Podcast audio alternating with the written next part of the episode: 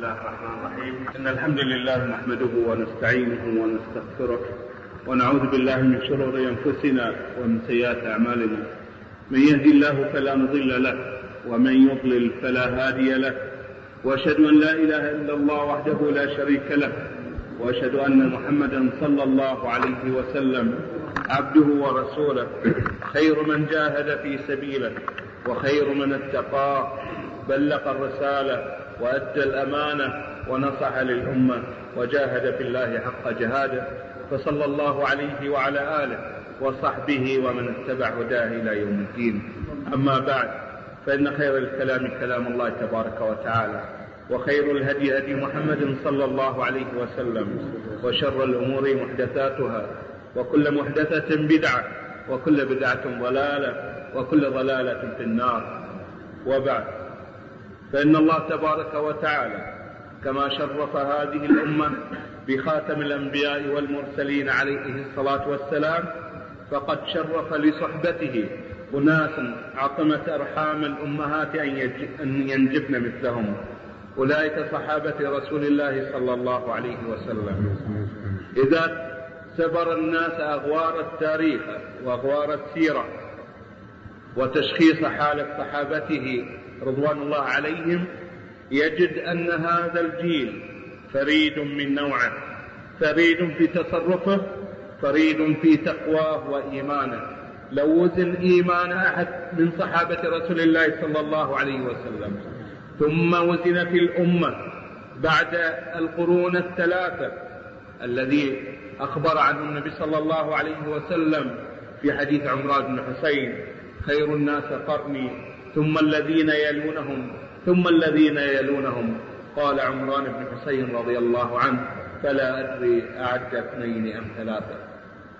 هذا هو الجيل الذي صحب رسول الله صلى الله عليه وسلم.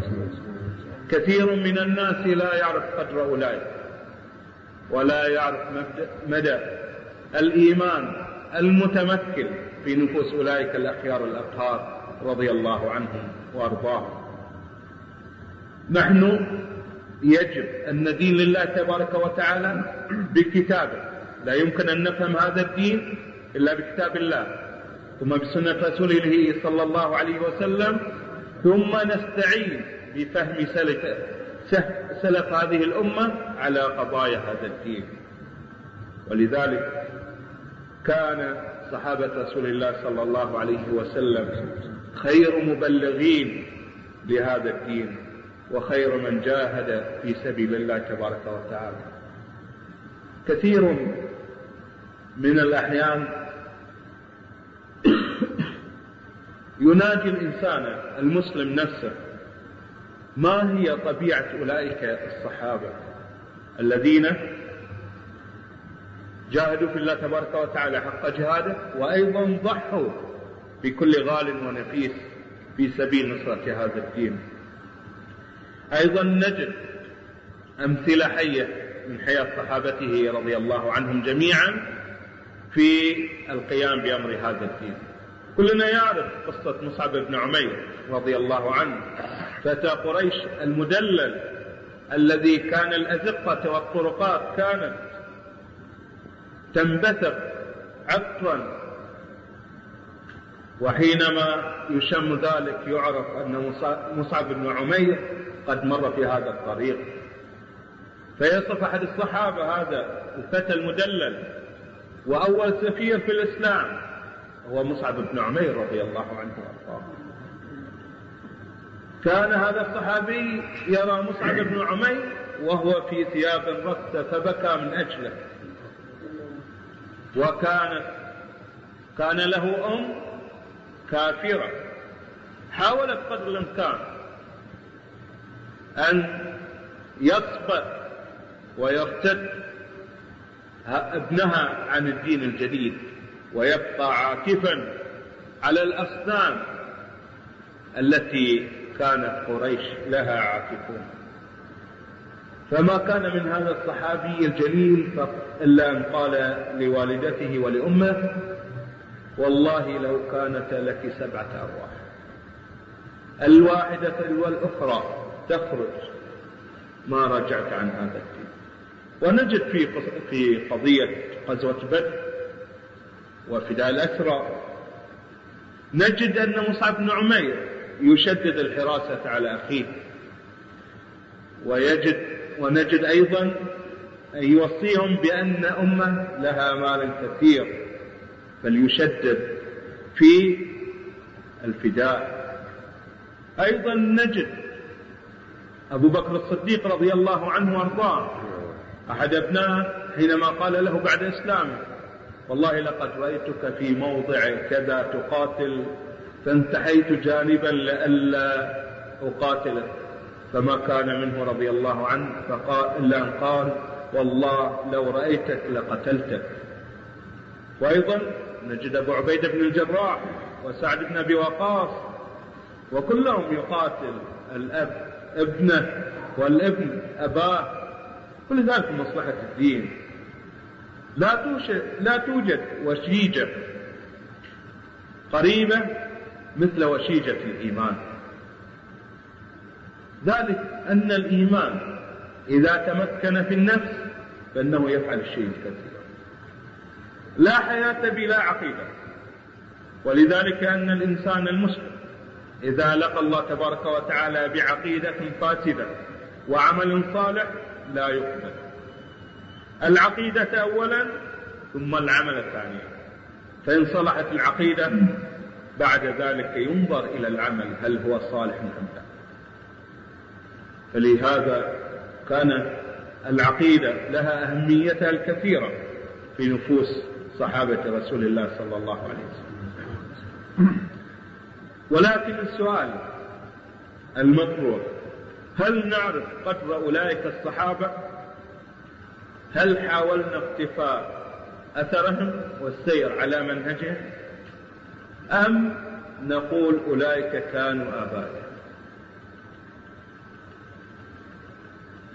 نحن لا يمكن أن نفخر فقط بأن يوجد في رعيل هذه الأمة صحابة هار أخيار ولكن الحب كما ذكره الله تبارك وتعالى في كتابه الكريم حب الحب لله وللرسول إنما تكون بالمتابعة. إن كنتم تحبون الله فاتبعوني. وبعد ذلك عقب. الحق تبارك وتعالى يحببكم الله. فالحب من الله تبارك وتعالى لعباده نعمة عظيمة. سوف أحاول في هذا المقام المبارك إن شاء الله تبارك وتعالى تسليط بعض الضوء حول منزلة صحابة رسول الله صلى الله عليه وسلم في كتاب الله وفي سنة رسوله صلى الله عليه وسلم.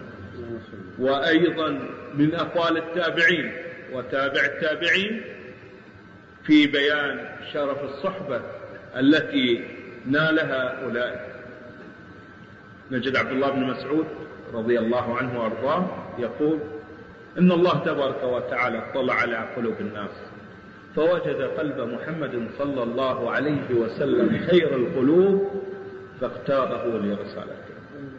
ثم اطلع على قلوب الناس من بعده فوجد قلوب أصحابه أنقاهم قلوبا وقرها فاختارهم لصحبته. هذا قول عبد الله بن مسعود رضي الله عنه.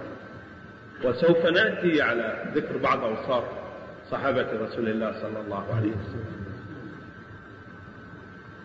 نحن ندين للصحابة بالشيء الكثير بعد نعمة الله تبارك وتعالى علينا بالإسلام. ومن ثم جهود رسول الله صلى الله عليه وسلم في نشر الدعوة. فنحبهم لحبهم لله. ولا نبقى أحدهم. فقد حذرنا الله تبارك وتعالى من ذلك. ولا يمكن أن نقابل الجميل بالنكران. لولا أن سخرهم الله تبارك وتعالى لخدمة نشر هذا الدين نجد أسقاعا كثيرة على هذه الأرض لم يدخلها الإسلام ولكن تسخير من الله تبارك وتعالى للصحابة بأن ينشروا هذا الإسلام. وقاسوا في ذلك الشيء الكثير. أبو أيوب الأنصاري أين قبره؟ في القسطنطينية. وكثير من الصحابة توجد قبورهم في بلاد شتى عدا مكة والمدينة مكة المكرمة ويثرب مثوى رسول الله صلى الله عليه وآله وصحبه وسلم.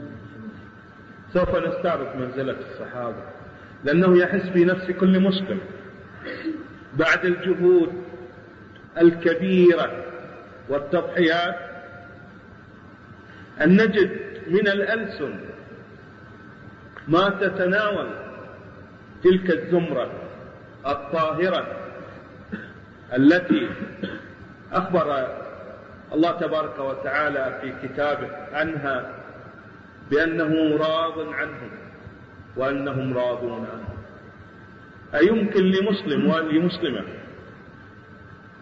أن يجاوز قول الله تبارك وتعالى ثم قول رسوله صلى الله عليه وسلم في تعديل ذلك فإن, فإن من مقتضيات الإيمان بالله تبارك وتعالى أيضا الإيمان بما أنزل وبما أرسل. ولذلك العلماء يقولون رحمه الله تعالى من جحد حرفا من القرآن فقد كفر. فما بالك بمن يجحد؟ آيات تتلى إلى يوم القيامة. لا شك أن هذا اعتداء وضلال وفسق.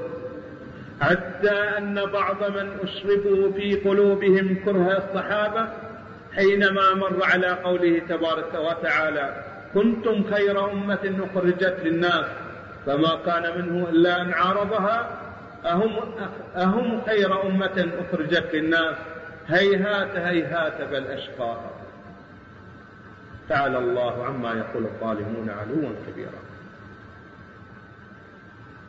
المنزلة التي يجب أن ننزل الصحابة رضوان الله عليهم جميعا هي المنزلة التي أنزلها الله تبارك وتعالى إياه وكذلك رسوله صلوات الله وسلامه عليه. آيات كثيرة في كتاب الله تمدح أولئك الزمرة الطاهرة. نحن مستعراضنا لمكانة الصحابة في الكتاب والسنة. ليس من أجل أنهم فقط عدول ثقات فهذا معروف لدى كثير من المسلمين. ولكن محاولة لتجديد حبهم واقتفاء اثرهم فهم أيضا حتى أن في أصول الفقه وفي القضايا الفقهية أن كثير من أقوال الصحابة حجة لا سيما الخلفاء الراشدين الأربعة واختلفوا بعد ذلك. فالرسول صلى الله عليه وسلم يقول عليكم بسنتي وسنة الخلفاء الراشدين المهديين من بعده. فإن قلنا أن صحابتك يا رسول الله قد ارتدوا بعد وفاتك فقد كفرنا بك وكفرنا قبل ذلك بالله تبارك وتعالى الذي أخبر إن تتولوا قوما غير صحيح الاعتقاد وصحيح الإيمان فإن ذلك سوف يكون يوم القيامة خسران. ولكن الله تبارك وتعالى تعهد بأن بأن يخلق عباد عبادا له يقومون بأمره. وبعد ذلك نجد وصفهم في سورة الفتح حيث قال الحق تبارك وتعالى محمد رسول الله. إقرار الرسالة لرسوله صلى الله عليه وسلم. وبعد ذلك قال والذين معه. معيتهم مع رسول الله صلى الله عليه وسلم شرف حتى لما سئل عبد الله بن المبارك رحمه الله تعالى وهو من أئمة التابعين.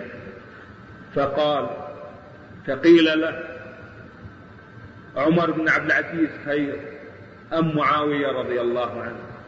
فقال والله إن الغبار الذي دخل أنف فرس معاوية رضي الله عنه لخير من عمر بن عبد العزيز وأمثاله هذا هو قول من شيوخ التابعين شيخ من شيوخ التابعين.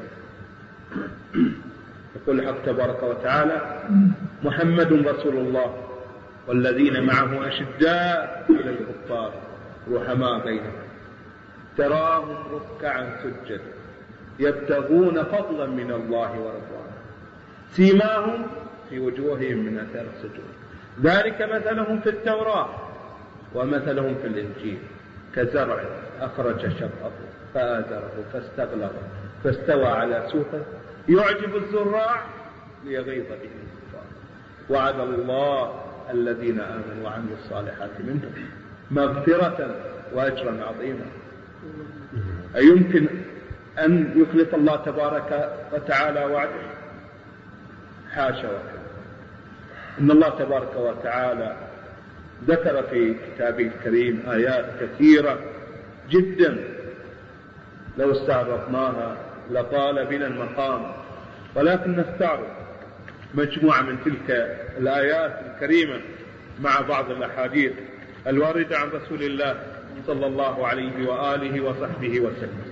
قبل استعراض الآيات الكريمة في كتاب الله تبارك وتعالى نستعرض بعض الأمور المتعلقة بصحابة رسول الله صلى الله عليه وسلم.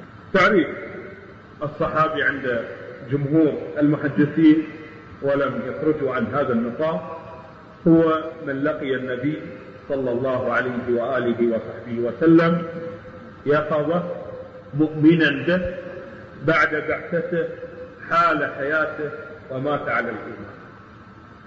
هذا يكاد هذه الثقة تكاد أن تكون بين جمهور المحدثين.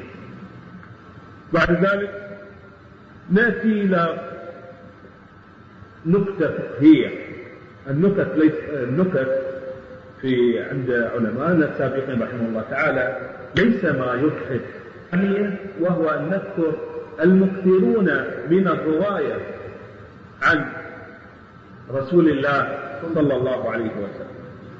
المكثرون من الرواة سبعة. أولهم أبو هريرة رضي الله عنه وأرضاه. فقد روي له عن النبي صلى الله عليه وسلم قرابة أربعة وسبعون وثلاثمائة وخمسة آلاف. اتفق البخاري ومسلم منها على خمسة وعشرين حديثا على خمسة وعشرين وثلاثمائة حديث.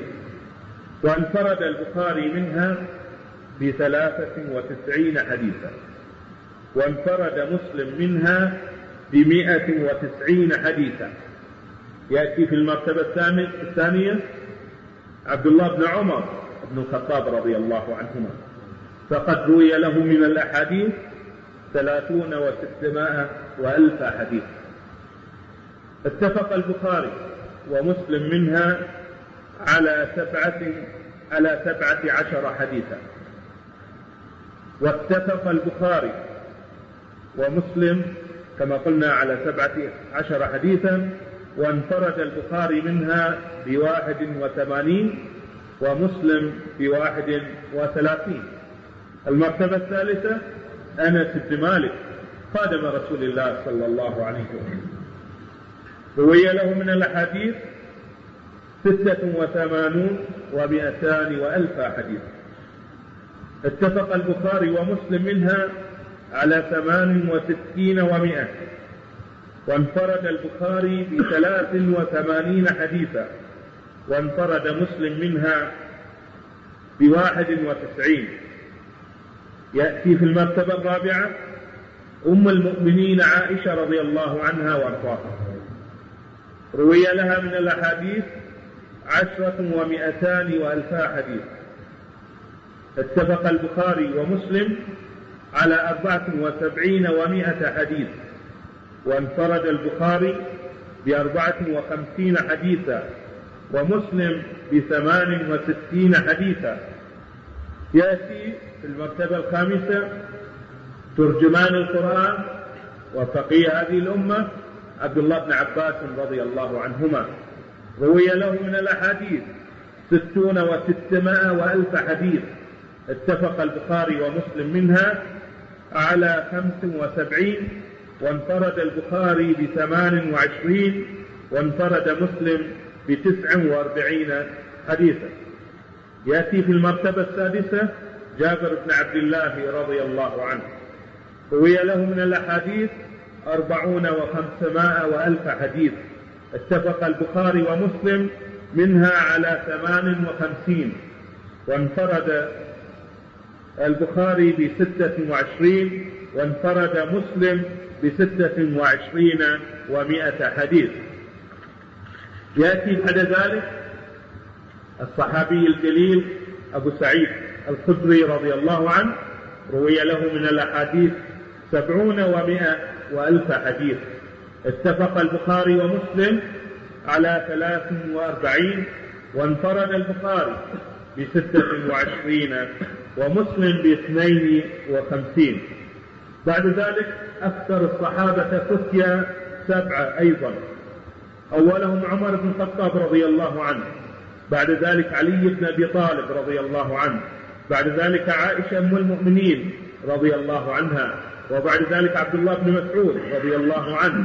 وزيد بن ثابت وعبد الله بن عباس وعبد الله بن عمر رضي الله عن الجميع وأكثر هؤلاء السبعة فقها أقصد فتية هو عبد الله بن عباس رضي الله عنهم كما يقول الإمام أحمد رحمه الله تعالى رحمة واسعة بعد ذلك قبل استعراض الآيات القرآنية الدالة على عدالة الصحابة ينبغي أن نفهم معشر المسلمين أننا لا نقصد بعدالة الصحابة عصمتهم من الذنوب. واستحالة المعصية عليهم. وإنما المراد قبول رواياتهم من غير تكلف في البحث عن أحوال الصحابة. ولذلك علماء الحديث يقولون مراسيل الصحابي أو مرسل الصحابي صحيح في منزلة الموصول لأن الصحابي لا يرسل إلا عن ثقة. وإنما المراد قبول رواياتهم من غير التكلف بحث عن أسباب العدالة وطلب التزكية إلا أن يثبت ابتكار قادح ولم يثبت ذلك ولله الحمد. فنحن على استصحاب ما كانوا عليه في زمن رسول الله صلى الله عليه وسلم. حتى يثبت خلافه ولا التفات إلى ما يذكره أهل السير فإنه لا يصح. وما يصح منه فله تأويل صحيح. ولذلك نجد هارون الرشيد رحمه الله تعالى الخليفة العباسي عندما أوتي له بشاكر الطيزاني بالصاد الديصاني وهو من زنادقة الشعوبيين وهو من من الناس الذين يكثرون من الكلام. ومن النقيصة بأصحاب رسول الله صلى الله عليه وسلم قال لما فعلت ما فعلت؟ قال ما فعلنا إلا لنبطل النقلة ليبطل المنقول. يطعنون في الرواة بعد ذلك لا يمكن الوثوق في الروايات. ولذلك أن علماء الحديث قبل أن يبحثون في المتن يبحثون في سند الحديث. السند هو مجموعة الرجال الذين نقلوا هذا الخبر. فنجدهم يبحثون في الإسناد أولا وبعد ذلك في المتن. فهذا شاكر الزنديق كان يطعن في الصحابة لبعد ذلك ليقال أن هؤلاء ليسوا بثقة وبعد ذلك يبطل ما نقل عنه ولذلك نجد أبو زرع الرازي نجد أبا زرع الرازي رحمه الله تعالى وهو من علماء الفقه والتعديل يقول إذا رأيت الرجل يطعن في أصحاب النبي صلى الله عليه وسلم فاعلم أنه زنديق لماذا؟ لأن أولئك الرجال نقلوا إلينا لما نجد شخص مثل أبو هريرة رضي الله عنه وأرضاه نقل لنا من من الأحاديث عن رسول الله صلى الله عليه وسلم خمسة آلاف ثلاثمائة وأربعة وسبعين حديث. أيمكن أن نسقى لمريض في عقيدته أن يطعن في في أبي هريرة ويقول أنه كان يكذب على رسول الله صلى الله عليه وسلم وأنه ما كان يلازمه إلا ليملأ بطنه وأنه سرق من مال البحرين كذا وكذا. ينبغي أن نفهم أن الطعن في الصحابة ليس طعنا في ذواتهم وإنما أريد أن يتوصل بعد ذلك إلى طعن ما نقل إليه. نحن لا نملك شيء من هذا التراث حتى القرآن الكريم إنما نقل إلينا بواسطة الأسباب الأتقياء رضوان الله عليهم. تلقته هذه الأمة جيلا بعد جيل بواسطة الرواة وبواسطة الكتبة. فإذا أهملنا ذلك الجيل واعتبرناه كاذبا مخادعا منافقا أيمكن أن نثق فيما وصل إلينا عن طريقه؟ لا يمكن. لأن إذا كان سند الحديث ضعيف فيضعف هذا لعدم الوثوق في رجال السند. ولكن إذا كان أريد وألتمس من طرق أخرى وتقوية تلك الطرق فيرتقي إلى درجة الحسن لغيره لأن الصحيح هو الحسن لذاته.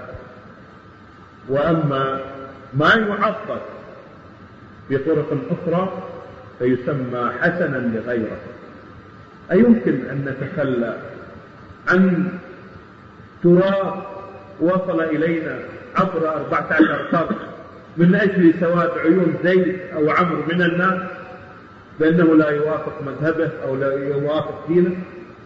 نحن نتشرف بحب صحابة رسول الله صلى الله عليه وسلم. ونرجو يوم القيامة من شفاعة شيء بعد شفاعة رسول رب العالمين صلى الله عليه وسلم. من أحب قوما كان معه. والمرء مع من أحب والمرء على دين خليله فلينظر أحدكم من يخالف.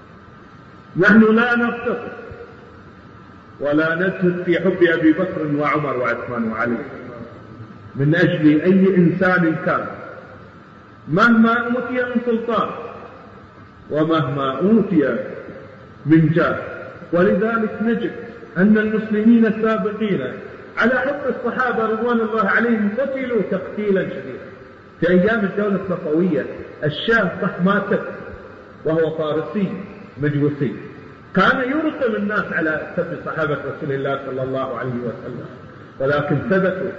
فحضرت الأخاديد وشعلت النيران وأحرق أكثر من 12 ألف مسلم في أيام الدولة الصفوية. ولما دخلوا العراق نبشوا قبر أبي حنيفة رحمه الله تعالى ووضعوا مكانها جيفة كلب عز الله السامعين جميعا. أيمكن أن نرتجي من أولئك محبة لصحابي واحد.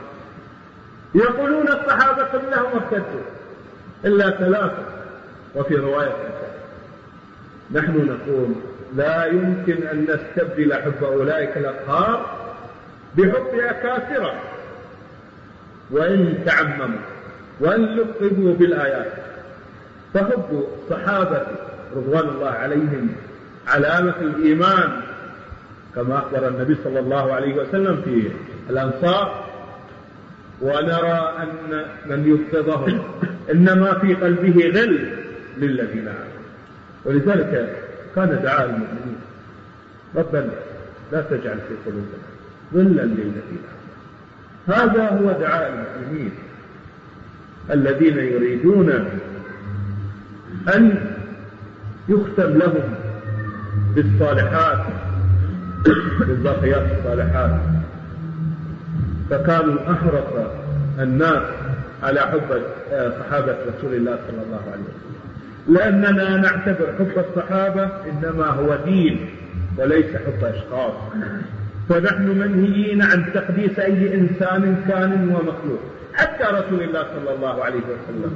منهيين أن نقدسه وأن نرفعه فوق المنزلة التي أنزلها إياها. آه، إياه. رب العزة تبارك وتعالى. ربما أنتم تعيشون الآن في بلاد التوحيد وإن شاب بعض المناطق بعض الغلو فاحمد الله تبارك وتعالى أن سخر لهذه الأمة من يعيد ويجدد دينها. ذلك هو الإمام محمد بن عبد الوهاب رحمه الله تعالى. فأثر هذا الشيخ الجليل وصل إلى الجزائر وأفريقيا و... ولولا أن سخره الله تبارك وتعالى. وليس آه، جهدا منه ولكن تسخيرا من رب العالمين تبارك وتعالى. فلذلك مطلوب أن ننزل الناس المنازل التي يستحقونها. ولذلك نجد الرسول صلى الله عليه وسلم فيما ذكره رب العزة تبارك وتعالى في كتابه الكريم يقول على لسانه ولو كنت أعلم الغيب لاستكثرت من الخير وما مسي وما مسني وبعد ذلك يقرر بشريته صلى الله عليه وسلم. يقول الله تبارك وتعالى في سورة الأنفال يا أيها النبي حسبك الله ومن تبعك من المؤمنين. فمن كان الله سبحانه وتعالى حسبه لا مناص ولا مفر إلا أن يسلك الطريق القوي. حسبك الله ومن اتبعك من المؤمنين. فهذا درع ووقاية للرسول صلى الله عليه وسلم. ونشر دعوته. أيضا نجد الحق تبارك وتعالى يقول في سورة التوبة لكن الرسول والذين آمنوا معه جاهدوا بأموالهم وأنفسهم وأولئك لهم الخيرات وأولئك هم المفلحون. أعد الله لهم جنات تجري من تحتها الأنهار خالدين فيها ذلك الفوز العظيم. فهاتان الآيتان الكريمتان من سورة التوبة. أثنى الله تبارك وتعالى بهما على جميع صحابة على جميع صحابة رسول الله صلى الله عليه وسلم. وعلى المؤمنين الذين آمنوا مع النبي صلى الله عليه وسلم.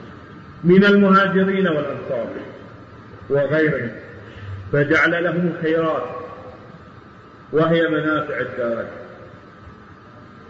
كما أثبت لهم الفلاح والفوز عند الله تبارك وتعالى يوم القيامة.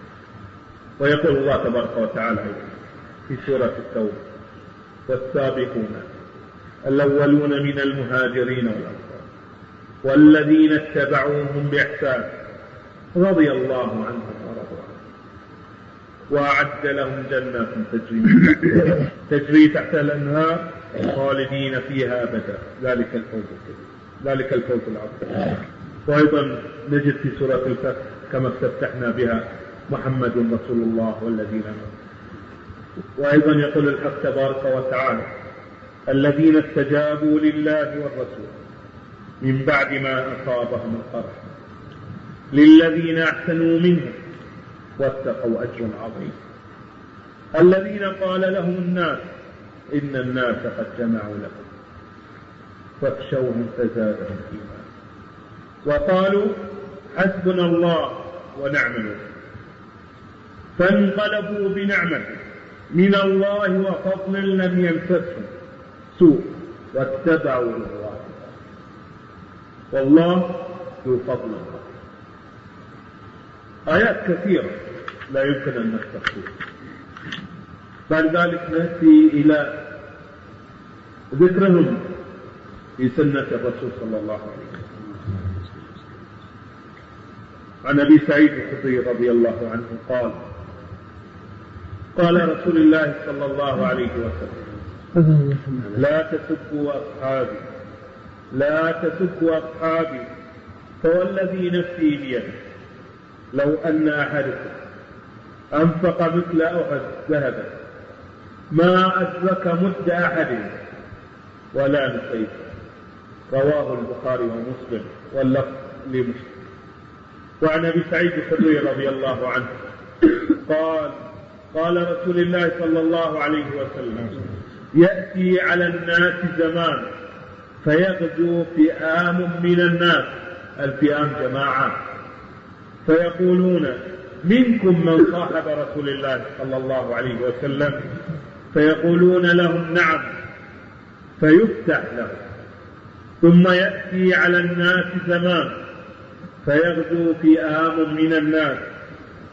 فيقال فيكم من صاحب أصحاب رسول الله صلى الله عليه وسلم. فيقولون نعم فيفتح له. ثم يأتي على الناس زمان. فيغزو فئام من الناس. فيقول هل فيكم من صاحب من صاحب أصحاب رسول الله صلى الله عليه وسلم فيقولون نعم فيفتح لهم. رواه البخاري ومسلم. في هذا الحديث في إثبات فضيلة للصحابة رضي الله عنهم حيث أن البلاد تفتح أمام الجماعة الغادية التي فيها بعض أصحاب رسول الله صلى الله عليه وسلم.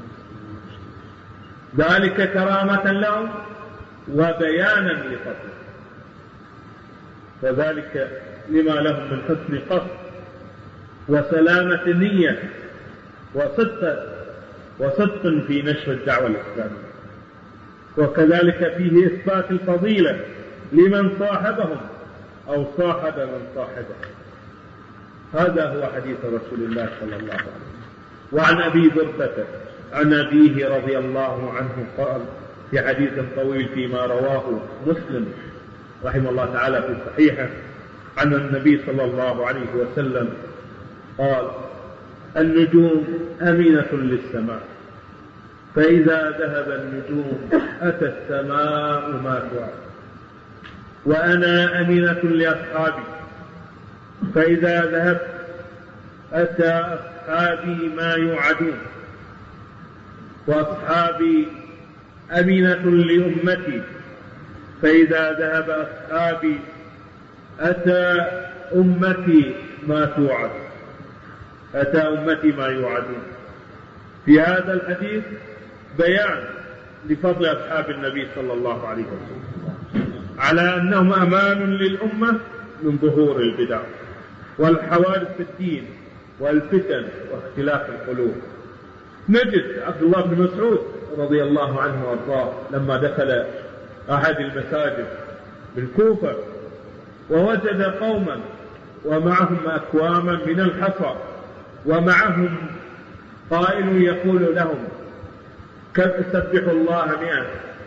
فيسبحون الله مئة. كبروا الله مئة؟ فيكبرون الله مئة بالحصى. فقال لهم عبد الله بن مسعود يا أمة محمد ما أسرع هلكتكم. فلذلك أجابوه قالوا والله يا أبا عبد الرحمن ما أردنا إلا الخير. هم يزعمون أنهم بفعلهم هذا يسلكون الخير. فقال لهم رضي الله عنه فكم مريد فكم من مريد للخير لم يبلغ. ذلك خلاف نهج رسول الله صلى الله عليه وسلم. الرسول صلى الله عليه وسلم أمرهم بالتسبيح باليد لأنهن مستنطقات. تستنطق يوم القيامة. ولذلك أوصى النبي صلى الله عليه وسلم في التسبيح باليد وباليمنى. كان النبي صلى الله عليه وسلم وتيامن في ترجله وفي تنعله وفي غير ذلك من أموره كان دائما يبدأ باليمين. لو أردنا ذكر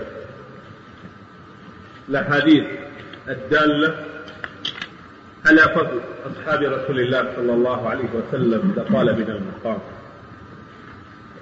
وأحاول بقدر الإمكان أن نستعرض أيضا قول بعض الصحابة في بعضهم وأقوال بعض التابعين وأختم حديثي إن شاء الله. يقول عبد الله بن مسعود رحمه الله تعالى إن الله نظر في قلوب العباد فوجد قلب محمد صلى الله عليه وسلم سير قلوب العباد فاصطفاه لنفسه فابتعثه برسالته ثم نظر في قلوب العباد بعد قلب محمد صلى الله عليه وسلم فوجد قلوب أصحابه خير قلوب العباد فجعلهم وزراء نبيه يقاتلون على دينه.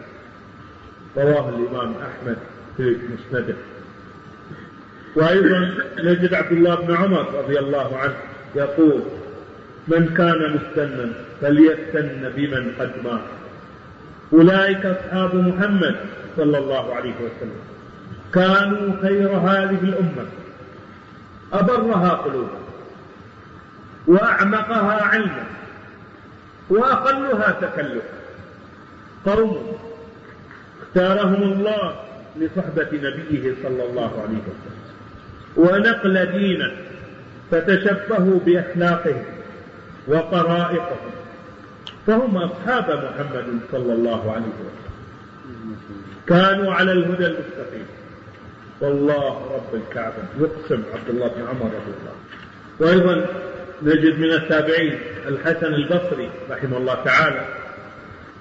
فيما أخرجه أبو نعيم في الحلية حلية الأولياء عن الحسن البصري رحمه الله تعالى أن بعض القوم قال له أخبرنا صفة أصحاب محمد صلى الله عليه وسلم فبكى وقال ظهرت منهم علامات الخير في السيماء والسمت والهدى والهدى والصدق وخشونة ملابسهم بالاقتصاد. وممشاهم بالتواضع ومنطقهم بالعمل ومطعمهم ومشربهم بالطيب, من الرزق وخضوعهم بالطاعة لربهم تعالى واستقادتهم للحق فيما أحبوه وكرهوا وأعطاهم الحق من أنفسهم ضمأت هواجرهم ونحلت أجسامهم واستخفوا بسخط المخلوقين. رضا الخالق تبارك لم لم يفرطوا في غضب ولم يحيفوا في جو ولم يجاوزوا حكم الله تعالى في القرآن. شغلوا الألسن بالذكر بذلوا دماءهم حين استنصرهم وبذلوا أموالهم.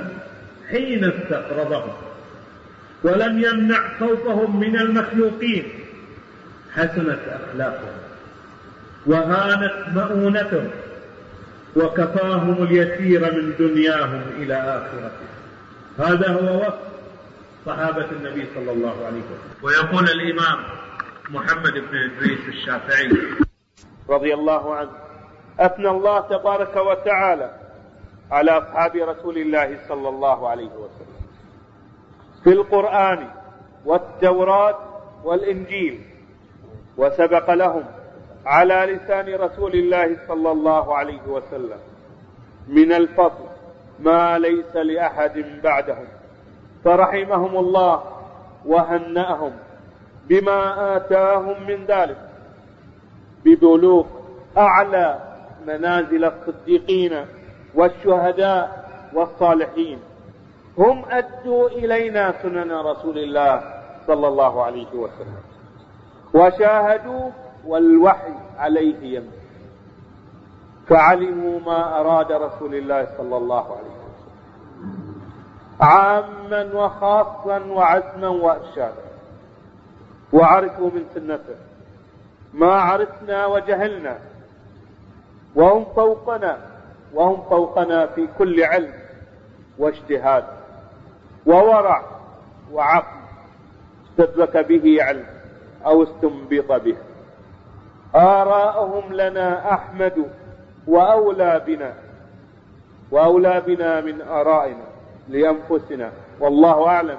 هذا قول الإمام الشافعي رحمه الله تعالى ورضي الله عنه.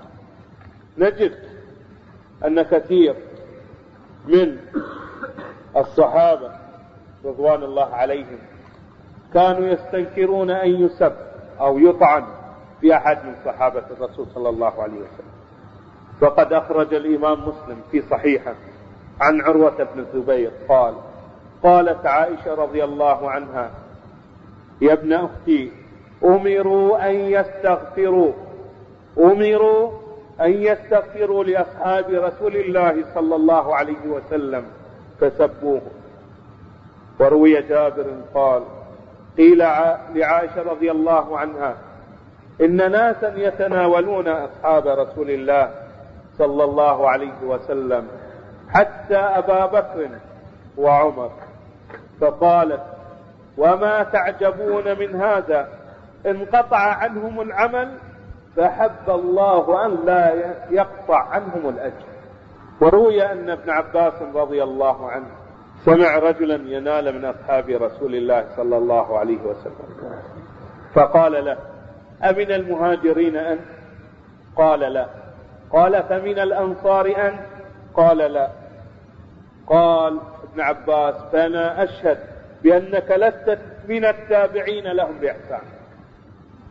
قال فأنا أشهد بأنك لست من التابعين لهم بإحسان. هذا هو قول ابن عباس رضي الله عنه. هذا ما تيسر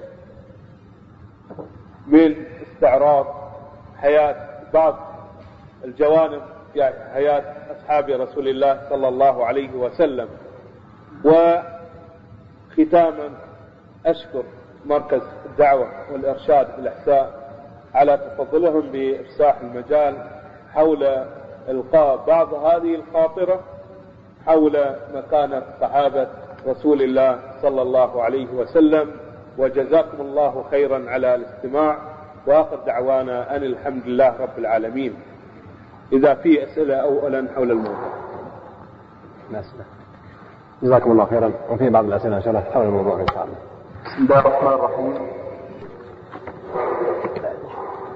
فضيلة الشيخ جزاك الله خيرا على ما افدت به واجدت وشكر الله لك هذه المشقة التي تجشمتها في الوصول إلى هذه الديار وهناك أسئلة كثيرة وهذا سائل يقول من هو الصحابي الذي خاض البحر حتى وصل إلى البحرين مع الوفد الذي معه؟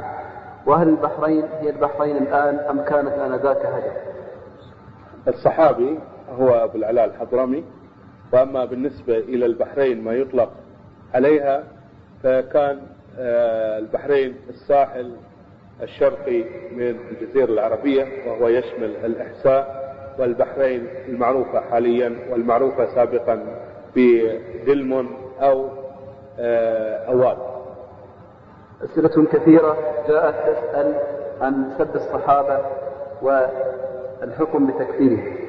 يقول هنا السائل سمعنا أن الرافضة يسبون صحابة رسول الله. هل يجوز تكفيرهم ولعنهم؟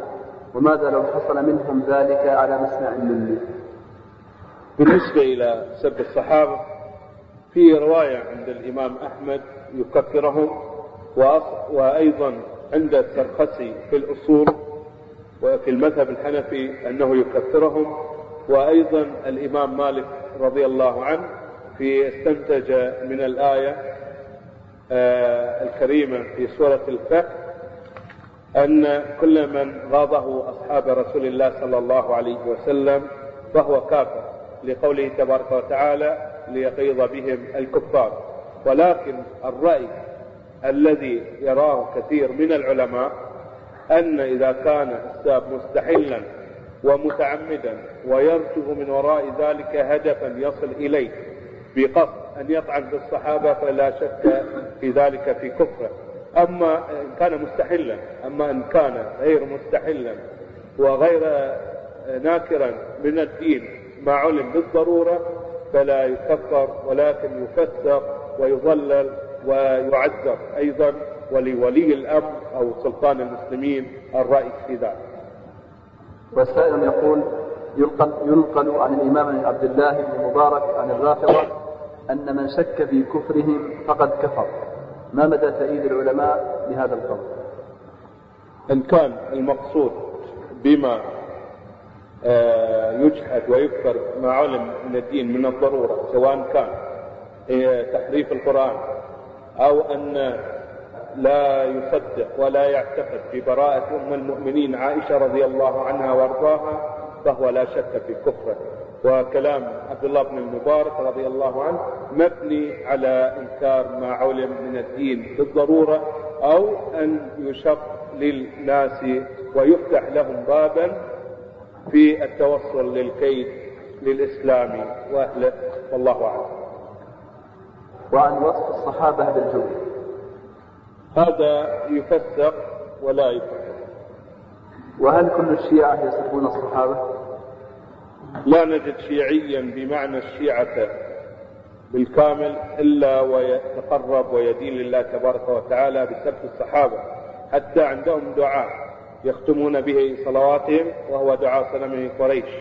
من قرأه فكأنه جاهد مع رسول الله صلى الله عليه وسلم كذا مرة. ونص دعاء صنمي قريش هو اللهم لعن صنمي قريش وطاغوتيهما وجبتيهما وابنتيهما اللذين حرفا كتابك وأنكرا وحيك وجحدا وصيك وللأسف الشديد أن هذا معاصر. نحن نقول عقائد الشيعة ككل قديمها وحديثها. لا يمكن لشيعي أن يصبح شيعيا إلا إذا اعتقد بالتحريف وبسب صحابة رسول الله صلى الله عليه وسلم. حتى أن النوري في فصل الخطاب بعد هذا الدعاء يقول أجره كأجر الرامي في سبيل الله تبارك وتعالى فنعوذ بالله من الخذلان نعم؟ ذكرت بعثنا من قريش. العلماء الذين وثقوه؟ لا من قريش من مقصودهم أبا بكر وعمر رضي الله عنهما وفي كتاب عوام مقبول وهو نص دعاء آه، مطبوع في باكستان باللغة الأرضية عدا هذه الصفحتين وهو موثق من الخوئي والخميني وغيرهم من أحبار الشيعة.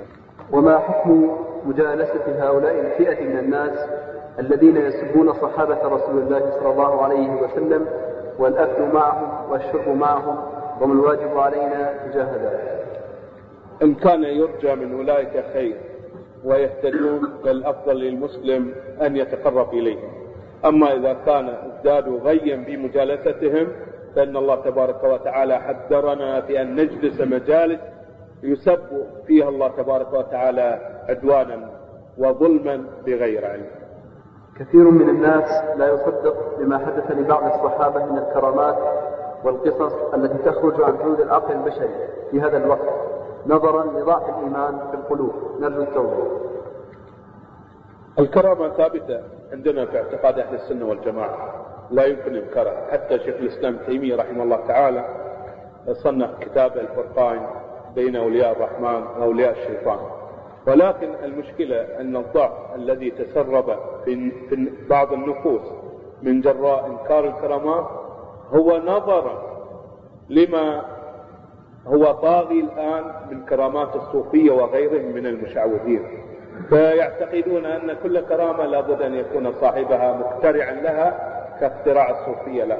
وأما بالنسبة لكرامات الصحابة رضي الله عنهم جميعا فكثير يعجز عن الوصف. وفي مقدمة كتاب الدكتور عبد الله عزام عن آيات عن الجهاد في أفغانستان وكرامات المجاهدين ذكر نماذج كثيرة من كرامات الصحابة رضوان الله عليهم وقبل ذلك صحاح أهل السنة والجماعة ذكروا الكثير من كرامات الصحابة رضوان الله عليهم.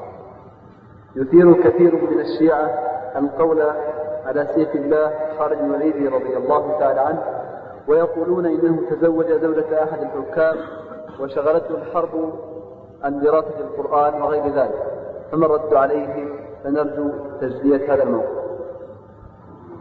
هو زواج خالد بن الوليد رضي الله عنه بامرأة مالك بن النويرة بعد قتله مرتدا وهذا ما شهد له متمم بن نويرة في لعمر بن الخطاب رضي الله عنه حينما كان آه، يرثى أخاه زيدا.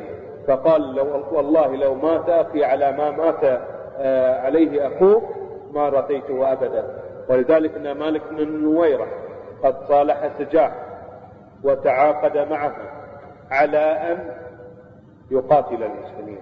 وبعد ذلك أن خالد بن الوليد رضي الله عنه ما تزوجها إلا بعد أن استبرأت الاستبراء هو العدة الشرعية وأيضا قيل أنه في ملكه ولكن تزوج ودخل بها دخولا شرعيا بعد العدة الشرعية وأقره أبو بكر رضي الله عنه وأرضاه. ولا نظن بأن أبا بكر يمالي في دين الله تبارك وتعالى ولا يتهم عليه. وخير كتاب في هذا الموضوع هو خالد بن الوليد للشيخ صادق العرجون فانه حلل هذه الروايات تحليلا اسلاميا بحيث تطمئن النفس إلى موقف صحابة رسول الله صلى الله عليه وسلم. الكتاب اسمه خالد بن الوليد للشيخ صادق العرجون. لو تكرمتم أن تذكروا لنا بعض الكتب التي تحدثت عن موقف الرافضة من الصحابة ومذاهبهم آه، كتب الشيخ أحسان الله ظهير رحمه الله تعالى والدكتور علي أحمد السالوس وبعض الكتاب أيها الشيخ انا احببناك في أحببناك في الله ونرجو أن لا تخرج من هذا المسجد إلا وتعدنا بزيارة أخرى تشرفنا فيها. وهذه بعض الأسئلة. اولا ما حقيقة الخلاف الذي ندرسه في التاريخ بين علي ومعاوية؟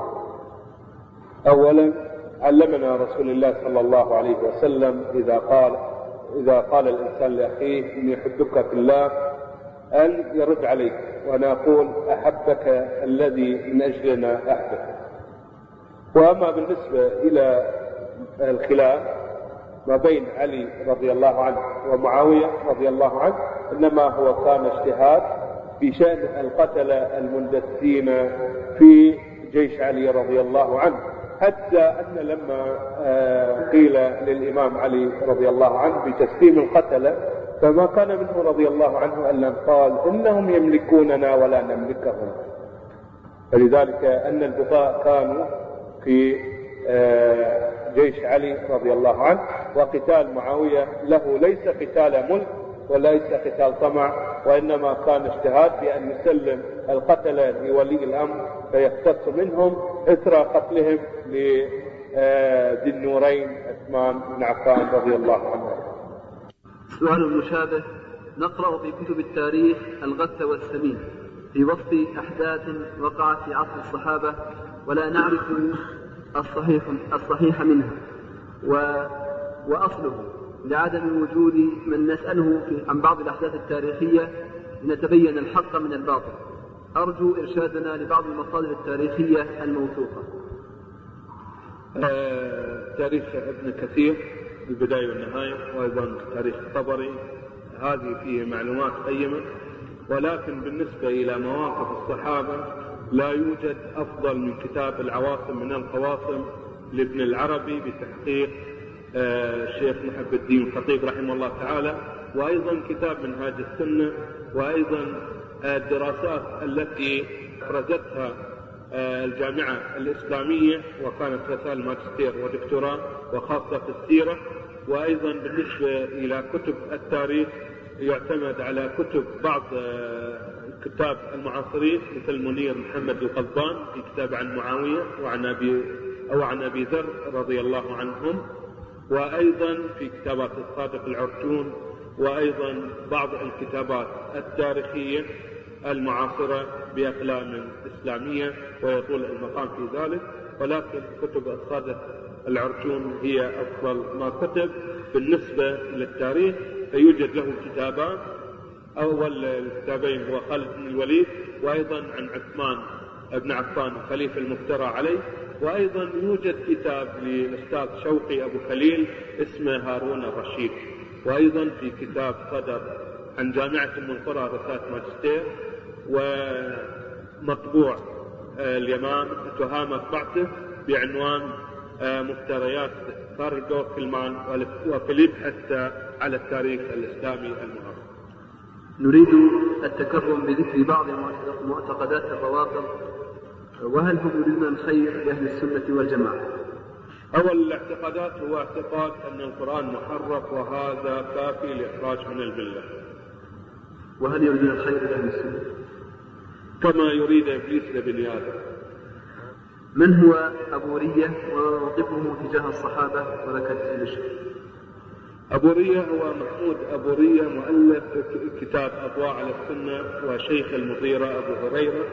هو في البداية التحق بالأزهر بالسنة الأولى والسنة الثانية ولكن فشل في دراسته. وبعد ذلك آه، توظف في وظيفة مصحح في بعض مصحح لغوي في جريدة الأهرام وفي جريدة الأخبار وكان دائم التعرش بالأزهريين فأفرغ عقده في الأزهريين وبعد ذلك ألف هذين الكتابين أضواء على السنة. وهذا الكتاب أكثر آه، مسروق من آراء المستشرقين وهو يحرف في آه، الكلام وفي النقد وقد رد عليه كثير من العلماء مثل الشيخ مصطفى السباعي في كتاب ومنكماتها في التشريع. وأيضا نجد الأستاذ عبد المنعم صالح العلي في كتابه دفاع عن أبي هريرة. وأيضا المعلم اليماني في كتابه ذي. وكثير من الكتب التي ألفت في الرد عليه. ما حكم حب الصحابة رضي الله تعالى عنهم؟ حب والله شيء. حب. حبهم من الإيمان وبغضهم من الإيمان وما رأيك في بعض الناس ممن يستهزئ بعمر بن الخطاب رضي الله تعالى عنه ويريدون إثارة الحروب بين المسلمين. المشكلة أن عمر بن الخطاب رضي الله عنه قال في العداوة قاسم مشترك ما بين كل من يعادي الإسلام والمسلمين حتى أنهم يحتفلون سنويا في تسعة ربيع الأول بمقتل عمر بن الخطاب رضي الله عنه. بعضهم يسأل عن إسلام عمر بن الخطاب رضي الله عنه كيف أسلم؟ المهم أنه في أي درجة في الإسلام وصل وليس كيف الإسلام. هل يجوز زواج السني من من المرأة الشيعية أو العكس؟ إن كانت لا تدين بعقيدة الروافض ويؤمل منها أن تسلم فالزواج خير. وإن كان خلاف ذلك كثير من العلماء لا يجوزون ذلك. العكس طبعا الأصل حرام. هل صحيح أن المنحرفين في الوقت الحاضر أقل تشددا أو كرها للصحابة من السابقين؟ قلت في البداية لا يمكن للشيعة أن يصبح شيعيا إلا إذا دان بعقاب الشيعة. ما رأي فضيلتكم في دعوة التقريب بين الشيعة والسنة؟ لا يمكن أن يلتقيان إلا إذا التقى الخطين المتوازيان نطلب منك التكرم بزيارة ثانية لهذا البلد تحدثنا فيها عن الصحابة ونرجو أن تذكر بعض الكرامات التي حدثت للصحابة رضي الله عنهم. أما بالنسبة لواجه الزيارة فأرجو من الله سبحانه وتعالى أن يهيئ ويعلم الله سبحانه وتعالى أنني أحببتكم في الله. لم آتي لا طمعا ولا مغنما ولكن عسى الله سبحانه وتعالى أن يرزقني من ورائكم بعض الحسنات فإننا بحاجة شديدة إليه أما بالنسبة لبعض الكرامات فالسحابة التي كانت تضلل قارئ القرآن تعرفون من هو؟ نعم أيضا القصعة التي كانت في يد أبي بكر الصديق رضي الله عنه وكثير من الكرامات ما القول الصحيح في حاجة الإفك التي أثارها عبد الله بن؟ القول ما قاله الله تبارك وتعالى في كتابه القول ما قاله الله تبارك وتعالى في كتابه الكريم عن حادثة لفت هل شراب البيرة التي تقدم في الولائم أو تقدم للضيوف حرام أم حلال؟ عندنا حديث عن الرسول صلى الله عليه وسلم. ما أسكر كثيرا فقليل حرام. إن كانت هذه من المسكرات أو من شراب الجعة فإنه منهي هل المدمن أو مدمن الخمر والحشيش ومروجهما يناصر ويساعد وما الحكم في من يناصره ويساعده هذا آه، مفوض إلى ولي الأمر أو إلى سلطان المسلمين وله أن يجتهد في العقوبة ما شاء أن يجتهد لا شك أن الذاهب إلى المسجد خطواته إحداها تحط خطيئة والأخرى ترفع حسنة. فهل هذا يحصل ولو كان غير متوضئ؟ حيث يتوضأ في المسجد.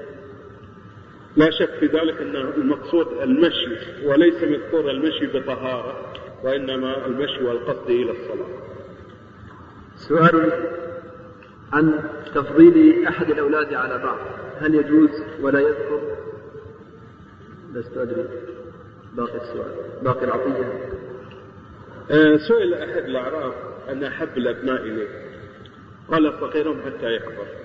ومريضهم حتى يشفى وقائدهم حتى يموت هل وضوء الرواتب صحيح أم غير صحيح؟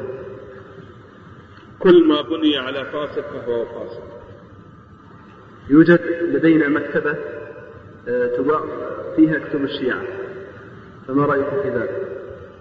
إن كان هذا لتوفير المراجع للباحثين الإسلاميين فهو يجوز وأما إن كان ترويجا لهذا لهذا المبدأ فالتجارة فيه حرام فكل ما يحرم استعماله فيحرم المتاجرة به. وأخيرا نختم بهذا السؤال الذي يقول فيه يا أخ الإسلام نتمنى أن تزورنا مرات ومرات بحبنا واشتياقنا سماع أحداث حياة الصحابة رضي الله تعالى عنهم. ونريد منك نصيحة من قلبك إلى أهل العيون الطيبين الأحباب. نصيحتي هو الالتزام بكتاب الله وبسنة رسوله صلى الله عليه وسلم. والتفقه في الدين فإن المسلمين لم يؤتوا إلا من جهل. فلذلك تعلم ما فرض الله تبارك وتعالى أمر واجب. وهذا العلم متفاوت ما بين الناس. فالعامة يجب أن يسألوا ويتفقهوا في دينهم ما هو متصل بحياتهم مثل الصلاة والزكاة وغير ذلك نواقض الوضوء وأركان الوضوء. هذا للعامة أما بالنسبة إلى طلبة العلم فيجب أن يعتقد كل مسلم أنه على فقرة من فقور الإسلام يدافع عن الإسلام ويسأل الله سبحانه وتعالى حسن الخاتمة وأن يكون ولاء لعقيدته وأن يحافظ على بلاده. فلو لا قدر الله تبارك وتعالى أن جرى على هذه البلاد أو بلاد أخرى إسلامية أمر تكرهه النفس ماذا يكون شعور الإنسان في ذلك؟ أن يكون مخلصا لدينه مخلصا لعقيدته مخلصا لوطنه. ولا يخشى الله تبارك وتعالى أبدا وإن أمر حتى من أعلى الناس خلقا لا طاعة لمخلوق بمعصية الخالق. وأن يتواصوا بينهم. المشكلة أننا نحن المسلمين لا يوجد تكاتف شديد ما بيننا. وعلى ما سمعت. أن أهل هذه المنطقة ولله الحمد متضامنين ومتصفين بالأخلاق الإسلامية التي أرجو من الله سبحانه وتعالى أن يستمروا عليها وأن يكونوا جنود للإسلام والمسلمين دون التقيد أو الولاء لغير الله ولغير رسوله صلوات الله وسلامه عليه. هذا ونسأل الله سبحانه وتعالى أن يوفق الشيخ لما قام به وما أتحفنا به في هذه المحاضرة. ونسأل الله تعالى أن يجعله في ميزان حسناته يوم القيامة وصلى الله وسلم على سيدنا محمد وعلى آله وصحبه